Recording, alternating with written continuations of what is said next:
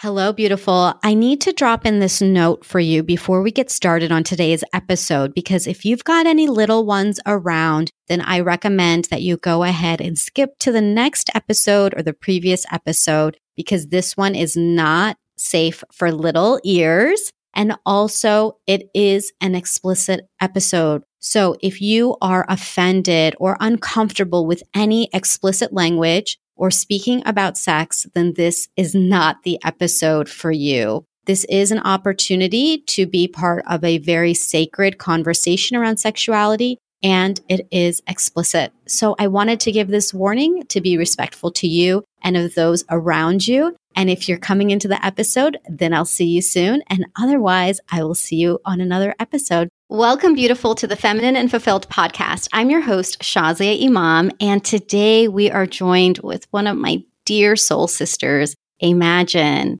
Imagine, also known as Amy Jo Goddard, has been teaching and speaking about feminism and sexuality for over two decades, including her TEDx talk, Owning Your Sexual Power. She's the author of Woman on Fire, Nine Elements to Wake Up Your Erotic Energy, Personal Power, and Sexual Intelligence, and she's a co author of the best selling classic, Lesbian Sex Secrets for Men. Not surprised that was a bestseller. Okay, let me continue. Her forthcoming film, At Your Cervix, examines patient consent and bodily autonomy in gynecology and medical education, aiming to end unethical practices that harm both patients and medical students. She hosts her Fire Woman Retreat and other sexual empowerment programs. Welcome, Imagine. Thank you. So fun to hear that. I know. So let's talk about that because it's really new. So let's start off with mm-hmm. that. You have recently had a big change in your life. Can you share that with us? Yeah, I'm changing my name. I'm changing my name. I always felt like there was another name that would suit who I am more. I've gone by Amy Jo most of my life. A lot of my close friends call me AJ and but Amy Jo never really resonated with me. And I just kept waiting because I knew I couldn't think my way to a new name. I knew it really had to come from spirit. And so, yeah, it recently came in a ceremony. And, you know, I'm in a lot of transition in my life, as I think many people are right now. So it really came at the perfect time. And I've, I've been waiting for it for many years. And so, yeah, I'm making the making the shift. And it's a weird thing when you've published books under a name and you, you know, like that name is I've had that I've been in the public eye in various ways for a long time, so it's interesting. So we'll see what this journey gets to be. Mm, and what does this new name mean to you?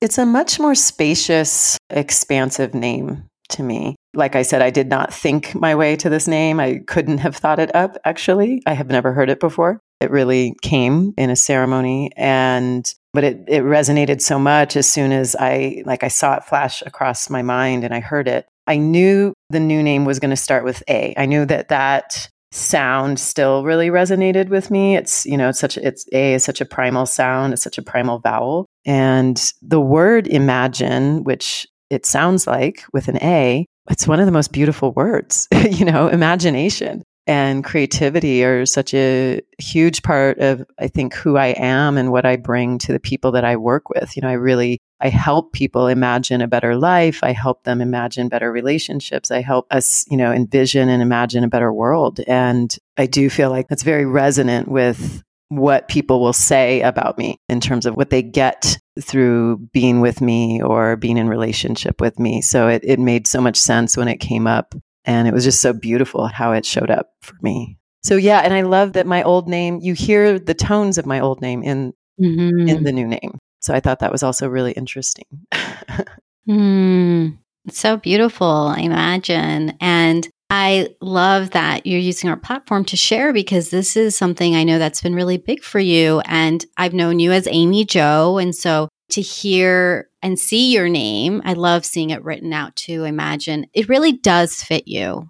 You know, Amy Jo, I remember even when I first met you and I was like, her name is Amy Jo. Like I it didn't totally fit. And of course it was mm-hmm. your given name, but I know you as somebody who's really passionate and different and really, you know, you've been doing this work for civil rights and body rights and all sorts of rights for so long now that it felt like it was too small for you. So when you told me the name mm-hmm. came and it's imagine. I was like, well, of course it is. You know, it just it, it just fits. So yeah, thank you for that. Yeah.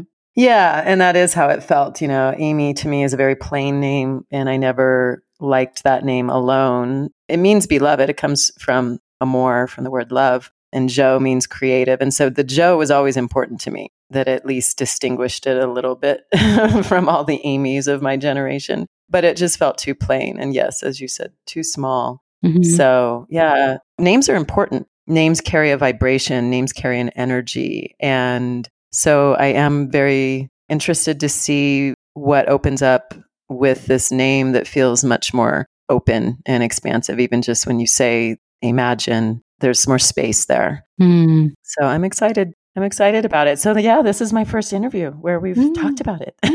you heard it so, first here, you. everybody. Okay, so heard it first here. Breaking news! Breaking news! I'm stepping and fulfilled. Oh my goodness, I love this. So one of the things that we talked about in your bio is the Fire Woman Retreat. But before we get to that, I just have to stop on the lesbian sex secrets for men. I mean, because every time I read that title, I'm like, yes, you wrote that book and it became, or you co authored it and it became a bestseller. So can you just tell us a little bit about that and appease our curiosity? And then we'll move to Fire Woman Retreat. Well, that book, the opportunity to do that book came in an unexpected way it wasn't the book that I necessarily set out to write. I mean, I think my second book, Women on Fire, is definitely the book I needed to write. And it was an opportunity that I really weighed and really decided whether I wanted to do that. There's no bigger way to come out than to publish a book that basically identifies yourself as a lesbian in the title. I don't actually identify with that label as much. I generally, even since my 20s, have always identified as queer. And people understand what that means when you use that in the title. That to me, having had sexual relationships with people of lots of different genders, there was a lot that I felt heterosexual people could learn from the approach of women who have sex with women or people of other genders that might have vulvas. And so, you know, I think there's just some really fundamental differences in approach. I think this is one of the places where LGBTQ folks have a little bit of a leg up for a couple of reasons. One, there are not a lot of pre prescribed ideas in our culture about what our sex lives need to look like in the way that heterosexuals have that. So I think with heterosexual relationships, you know, sexual relationships, the assumption is always putting a penis and a vagina at the center. And there's nothing wrong with a penis and a vagina, don't get me wrong. And there's lots of other things in sex. And so I think there's very much prescribed roles that like the woman gets to play, the man gets to play. And so we have a lot less of that. It doesn't mean we don't have it at all, but I do think a lot more negotiation happens in queer relationships, in sex between people of same gender. So there's more fluidity in the way that sex is approached. And research has shown a lot more satisfaction.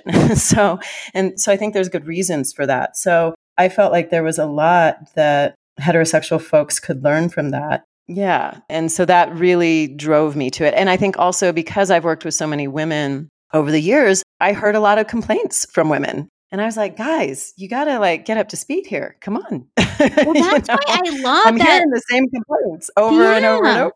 Well, like when I first saw the book, Imagine, I was like, that is so good because I love that it was lesbian sex secrets for men because I think sometimes they don't know like the clitoris and like and all the things surrounding and just the whole body of a woman and all of the different places that pleasure and ecstasy can be found. And so, like you said, I think that there are just certain things that are just by the book and everybody does it. And so I have been actually so curious to get the book myself and like maybe give it as a gift. to my yes. husband, even though, of course, I know, think that's actually what happens things. a lot. I think the women him, buy it and they're like, and they read it, and then they're like, "Here, honey." or I've actually heard from a lot of couples they read it together, which I love. I'm like, yes, Ooh. bedtime stories. Yes, I love it. Ooh, I love it. Oh, that's like really good idea. Okay, yeah, because I want to read it too. I mean, I genuinely want to read it because Mhm. if there's some secrets I don't know about that will Mhm. enhance, you know, my relationship, absolutely. You know, I'm not going to say no to that. So, Yeah, there's a lot for women to learn too. And and really anyone that anyone that wants to love their own vulva, female body, or anyone who is, you know, with someone with with that kind of a body can learn a lot from it. So yeah, it's a much more instructional book. It's definitely much more focused directly about sex than my second book. But yes, it does sell itself. I mean, you couldn't get a better title than that, okay? like, it's pretty good. It is pretty good. It's uh, so- but you you have plenty of the guys that are just like, oh, I don't need that. You know, I got, I got it. I got it. Maybe they're reading on the DL. I don't know. I don't know. I haven't done an audiobook of it yet. Probably if we did an audio, that might help. well, let's talk about your other book because that sounds like that was your labor of love, Woman on Mm. Fire. Can you tell us more about that book? Yeah, I mean, Woman on Fire, it came 15 years later, which was crazy. I always knew I wanted to be an author. I've always been a writer my whole life. I never thought it would take 15 years to write the second book.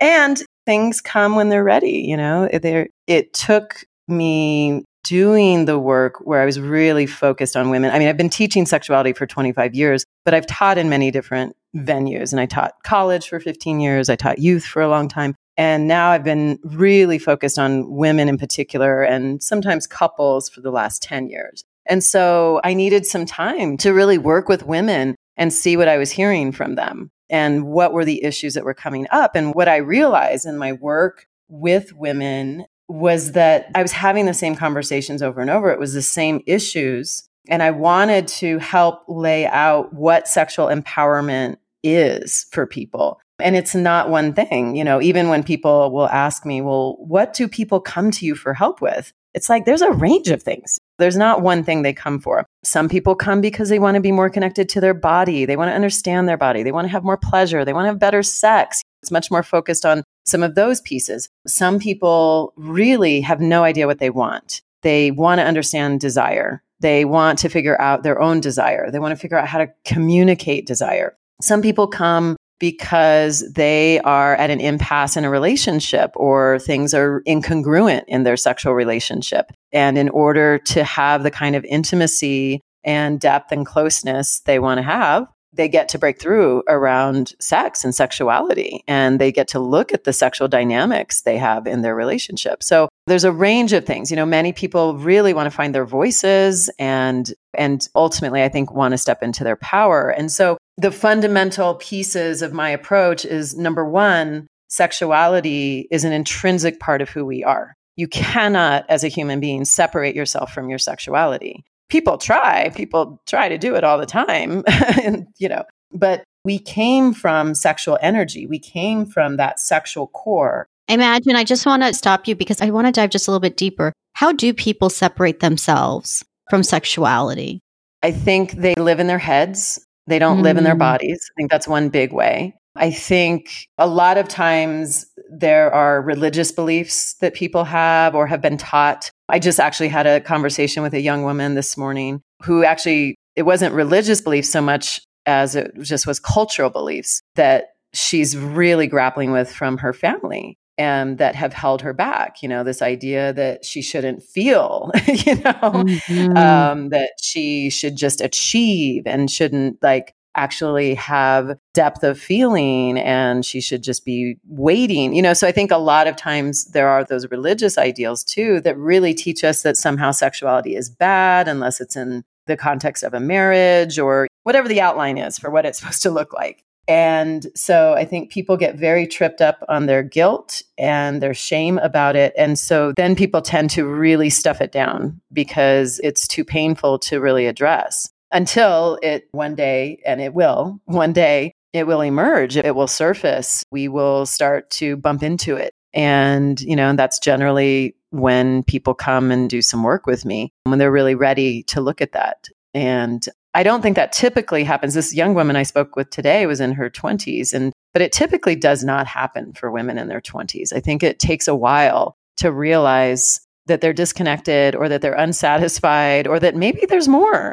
you know, Mhm. gosh, I'm not experiencing what I really what I'm hearing I could experience and So I think there's a lot of curiosity about that. And then, you know, again, sometimes it's relationships that are urging people forward. And sometimes it's just, I want to know what it is to be fully human. Mm. And I don't think we can know that without our sexuality. It's such a huge part of our humanity. You know, Absolutely. what does it mean to live in our bodies? What does it mean to experience our sensuality and our pleasure? Whether you're having sex with somebody else or not, it doesn't matter. Absolutely. I mean, I I'm just really resonating with everything you're sharing because I've noticed across the board just the different ways that shame has been so attributed to sex. And I've been talking a lot about pleasure. I mean, that's what I'm really moving into. And, you know, I speak about pleasure more at, on just the day to day and just having pleasure in your life because it's it's a new notion. I mean, for women historically, culturally across the entire world, the context has been that, well, don't have too much pleasure. We hear it in a number of ways. Don't be oh, too yeah. much of this, don't have too much of that.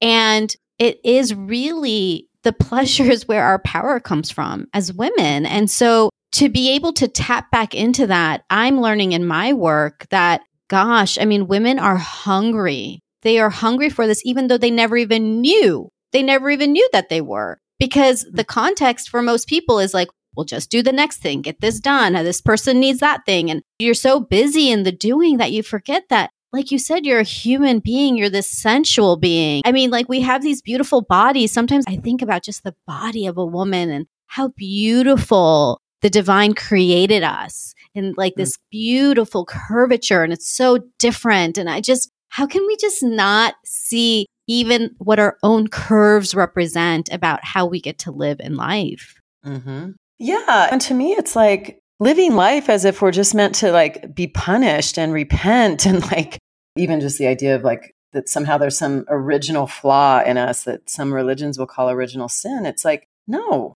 we were put here to enjoy our mm. lives and to feel good. It doesn't mean that it's going to be easy all along the way and it's just supposed to be unicorns and rainbows. Mm-hmm. but, but why would sex have been created? I think about that. Exactly. Why would sex why would orgasms, why would we have mm-hmm. this thing called an orgasm, which to me is the closest that we can feel to a heavenly bliss or, you know, whatever you want to call it? Like, mm-hmm. why would that be created if we're not supposed to experience that? Yeah. Yeah, well, because sex and sexuality is something that, you know, it's been used to control us for so long, you know. There's a long, long history of that that sexuality specifically has been used to control women. Hmm. It has been a tool of patriarchy. It has been a tool to not have us get too wild and crazy. And then that's what I hear from women all the time. It's like they want to know their wildness. They want to hmm. know that part of themselves that is, that gets to be unleashed, that they're not like tamping down or controlling or just managing, right? Because I do think that is often how we treat our bodies. It's how we treat our enthusiasm and our joy.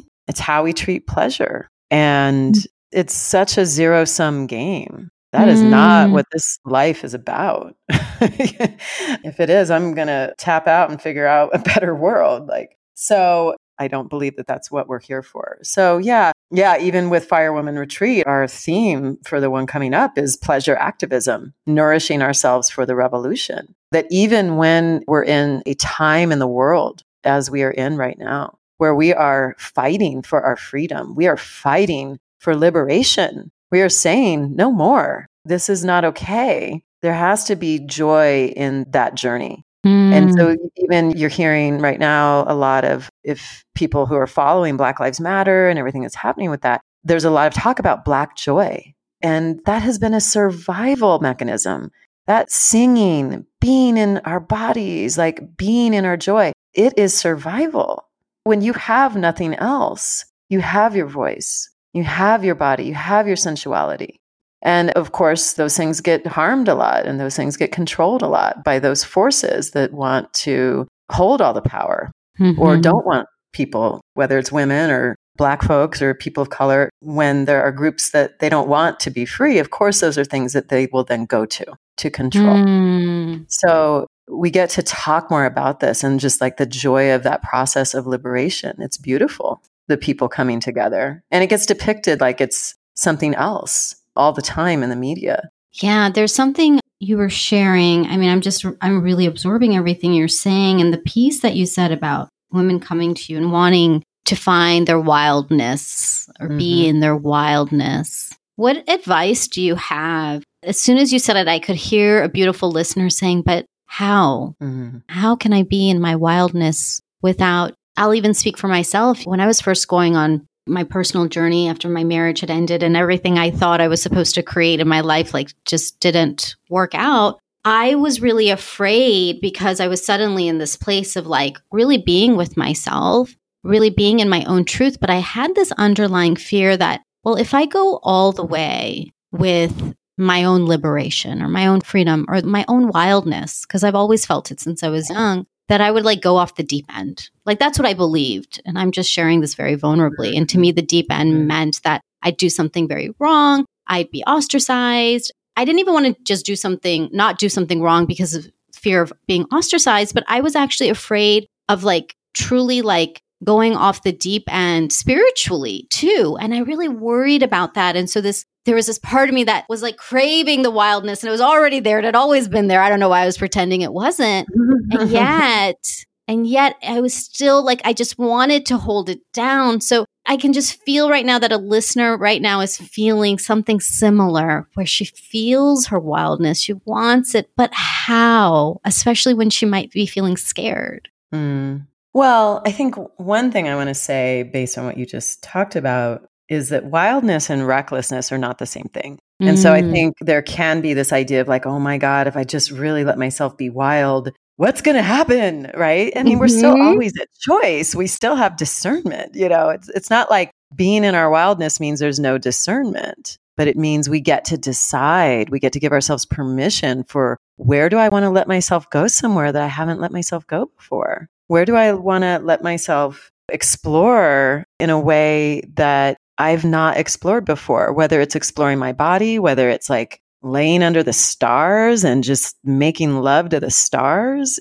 There's so many ways that can look. You know, sometimes it's more connection with the natural world because let's be real, what is more sexual than nature? Na- mm. Sexuality is everywhere in nature. And so nature is such an amazing lover, and Mother Nature is just beaming with vibrancy and erotic energy. And there are certain places where I travel where I'm like, oh my God, every time I come here, my entire body, Joshua Tree is one of those places for me. Every time I go to Joshua Tree, my body is so lit up and so alive. Like it's such a place where it's very alive and that erotic energy is so present that I, I can't not be with that when I'm there. And so I think nature is something that gives us that. And so I think that's a, a wonderful place to tap into it. And I think a lot of times we really want to be able to tap into that with a lover. And so, well, what does that require? That requires some skills in communicating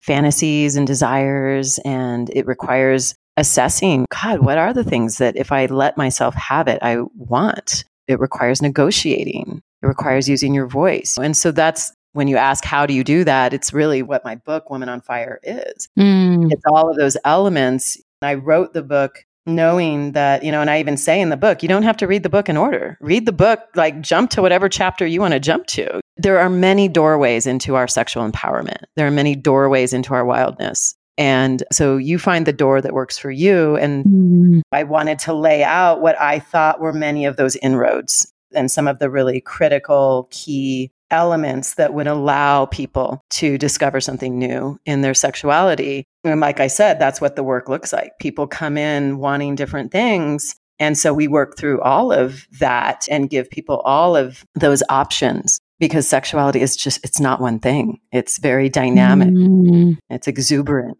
it's circuitous. It's not linear. And that's part of the problem with the culture. It, it, tries to make sex linear. And that's a, again, I think a lot of people are very unsatisfied with that depiction of sex. And I think people of all genders lose out on that. Yeah. I mean, just even the words you've been using as you've been sharing, just it's dynamic and it's interesting. And I really am resonating with what you're saying about, yeah, sexuality is not linear. Sexuality doesn't mean sex. It means all of these mm-hmm. other things. And when we can tap into that, I feel for me and I and so many women, it's like I actually learned this at your last Firewoman retreat. Imagine when you talked about feeling like coming home, coming home to myself, to who I am. It's And that for me in my life journey is really important to feel like, yes, this is home for me.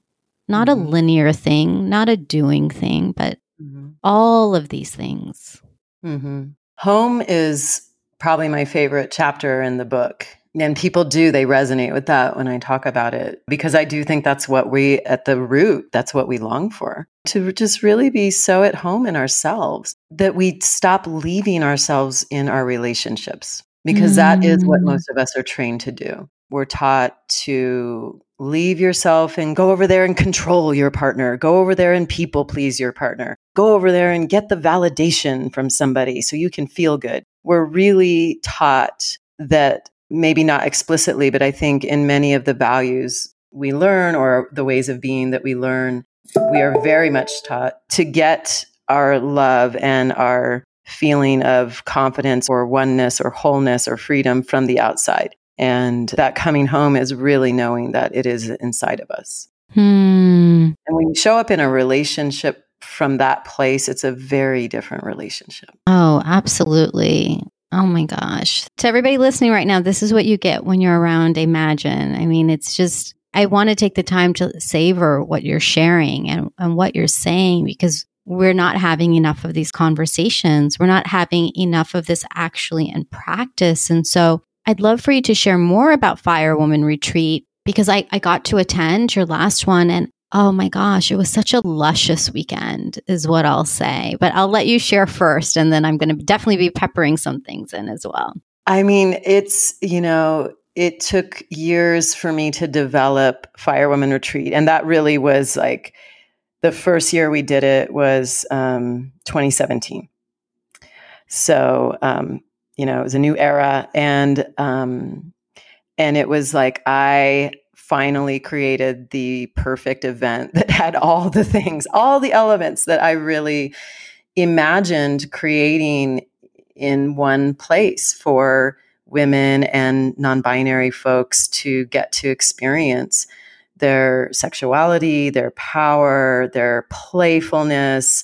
Um, we do sacred theater. We um, we do an erotic carnival where um, where they get to learn from different teachers different erotic skills. I mean it's like we don't have that opportunity right? We many of us you know want to learn new erotic skills but the only venue we have to really do that is with a partner. And what happens when you're trying to learn a new thing with a partner? You're nervous you're fumbly you're uh, you're worried about not pleasing them or not doing it right or you're feeling pressure or you know, whatever it is. And so i really wanted to have this erotic carnival where where it's really choose your own adventure. You get to just go learn from different teachers. You want to learn how to tie rope, you learn learn that from this teacher over here. You want to learn how to um, how to do erotic massage, learn that over here. You want to learn how to lap dance, learn that over here. You want to learn how to how to work a cock, learn that over here. You want to learn how to work a yoni, learn that over here. Um, spanking, we got that. So like, there's something for everyone, and so so we we really offer a range of things from the um, you know the much more sensual you know all the way to more kinky. And um, you know and sometimes people surprise themselves. They're like oh my gosh you know i never thought i would like a spanking. That didn't seem erotic at all but i landed in the spanking class and that was great right? Um, or sometimes you land in something and you're like okay glad i know what that is and i'm not interested so but that's how when we have that kind of contrast, when we have that kind of sex education, then it's like, okay, I know I, I can anchor much more clearly in myself what it is that I want and what I don't want.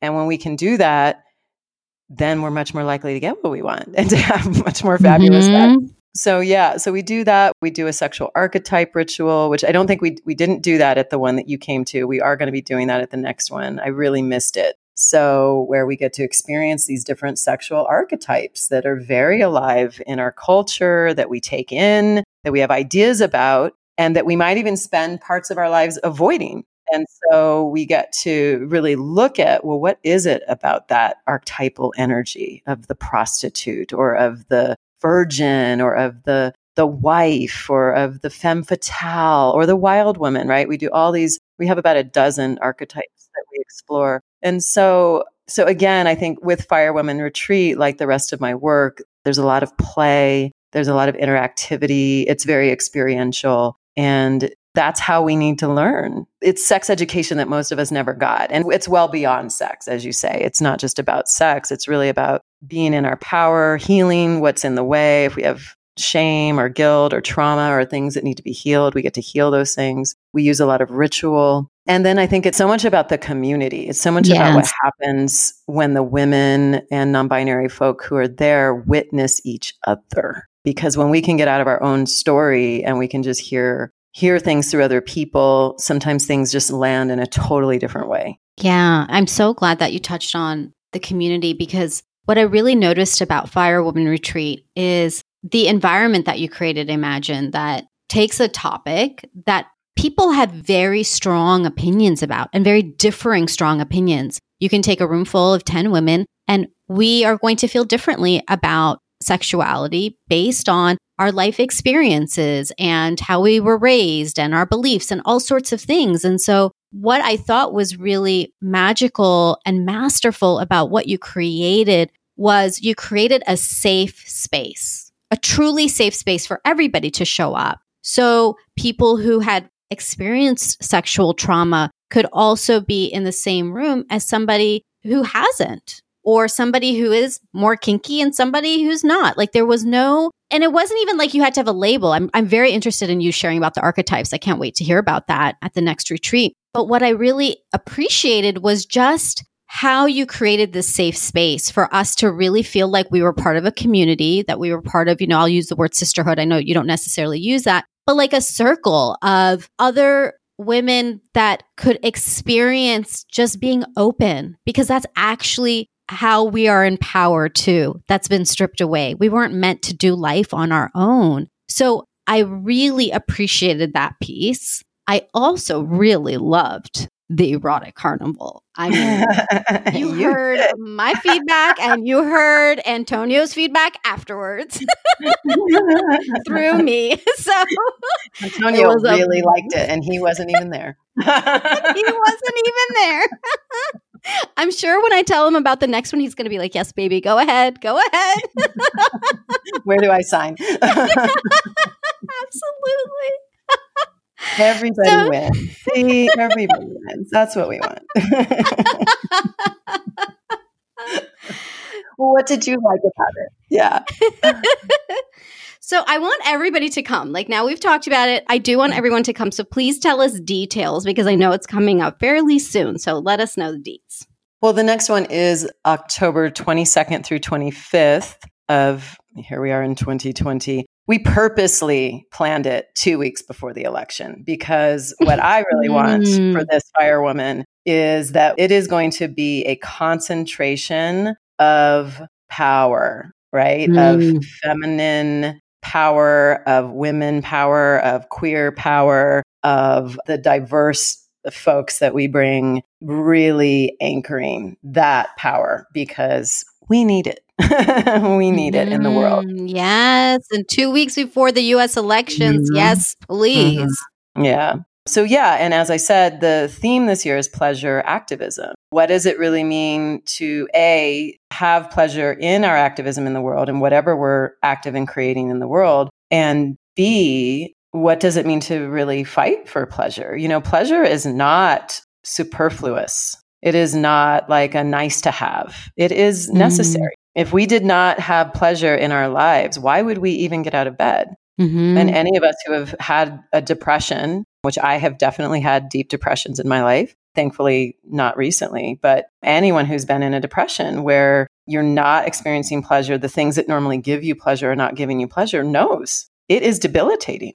It is, it creates a paralysis in many people. So it is absolutely necessary. How can we not see that as critical? And so I think it's very critical in this time that women, especially, get to step into our pleasure, our power, our voices, our full personhood, that we're not fragmenting ourselves so that we can fit into somebody else's idea of who we need to be. And women are creating a lot of political power right now. And I have always believed the second wave feminism idea that the personal is political, which means the sexual is political. And we get to center the things that are important to us. And so I think it's going to be very magical to do this event at that time. Mm. The world mm. needs it. We need it. I can't. You know, yeah, we need to do. be in that community. We need to be surrounded by other powerful women and powerful queer folks who are not just living the status quo, but are really visioning a better world for all of us. Yeah, I mean, I can't wait. I'm so glad and excited that it's coming up. And Shazia, aren't you going to, maybe you're going to teach a little something, something at this one as well, right?